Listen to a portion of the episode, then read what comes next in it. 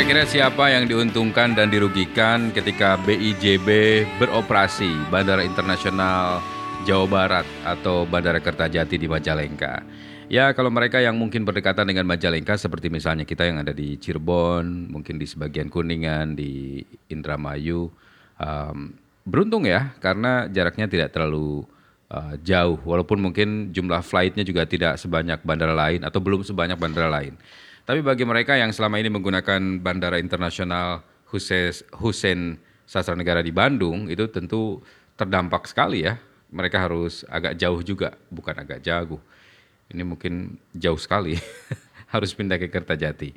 Namun ada beberapa terobosan yang dilakukan oleh pemerintah. Peringat salah satunya pemerintah akan menggratiskan angkutan bus Damri selama satu tahun dari tiga kota menuju dan dari Bandara Internasional Jawa Barat atau BIJB Kertajati dalam upaya memberikan kemudahan bagi penumpang pesawat. Nah ini angin segar nih ya. Jadi pemerintah akan memberikan subsidi kepada penumpang yang uh, agar lebih menuju ke BIJB selain menunggu selesainya pembangunan tol Cilenyi Sumedang Dawuan atau Cisumdawu sepanjang 61 km yang menuju ke bandara. Itu disampaikan Menhub Budi Karya Sumadi dalam sebuah keterangan persnya. Hadir dalam kegiatan tersebut uh, Wakil Gubernur Jawa Barat UU Ruzanul Ulum, Dirjen Perhubungan Udara Polana Pramesti dan juga Dirjen Perhubungan Darat Budi Setiadi, juga ada pejabat-pejabat lainnya. Menhub mengatakan bahwa langkah menggratiskan Damri juga dalam upaya menekan biaya transportasi dari dan ke BIJB. Rencananya akan ada tiga pemberangkatan gratis bus uh, ke BIJB yaitu dari Cirebon, dari Karawang, dan juga dari Bandung.